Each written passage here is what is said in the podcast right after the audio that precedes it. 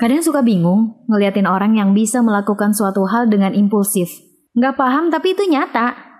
Sekalut apakah perasaannya sampai berani melakukan hal demikian?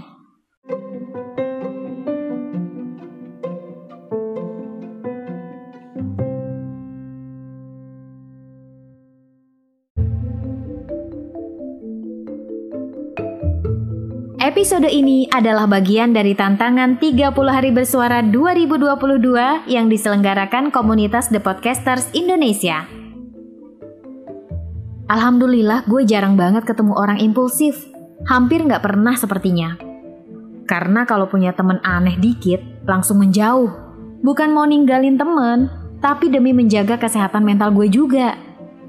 Secara gue bukan terapis atau psikiater yang bisa ngimbangin keanehan orang tersebut berteman dengannya sama aja gue mempersiapkan diri untuk menjadi orang gila. Gimana enggak, orang yang impulsif itu tanpa terencana bisa aja melakukan hal-hal yang dilarang kayak bunuh diri, menjahati orang berulang-ulang tanpa merasa bersalah. Jangankan orang yang impulsif terhadap sesuatu. Keluarga yang bibit bobot bebetnya agak miring, gue menjauh perlahan supaya nggak terkontaminasi. Kadang gue juga bisa melakukan hal impulsif terhadap orang yang nyakitin gue dengan tidak mengindahkan peringatan yang udah dikasih tahu. Orang yang kita bantu bisa menjadi songong dalam artian menganggap orang baik itu nggak bakal marah atau nggak bisa marah. Biasanya gue akan mengeluarkan nada tinggi kalau udah nggak bisa dikasih tahu dengan nada pelan.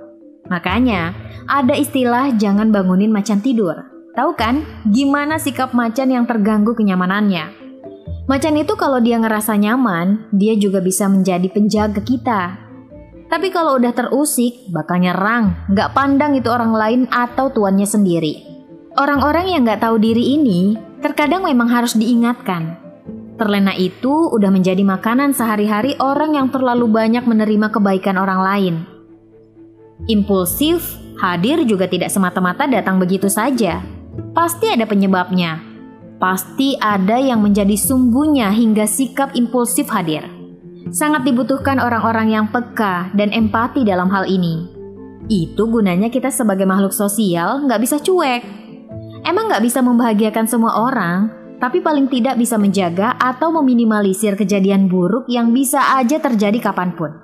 So, kalau kamu ketemu orang yang impulsif dan punya ilmunya, tolong dinasehatin tapi dengan cara bersahabat, bukan menggurui ya. Itu pun setelah kamu bisa memasuki hatinya dengan cara yang tepat. Kalau ngerasa nggak sanggup menghadapi orang impulsif sendirian, ya cari orang lain yang bisa bantu dan jangan didiemin gitu aja. Oke? Okay?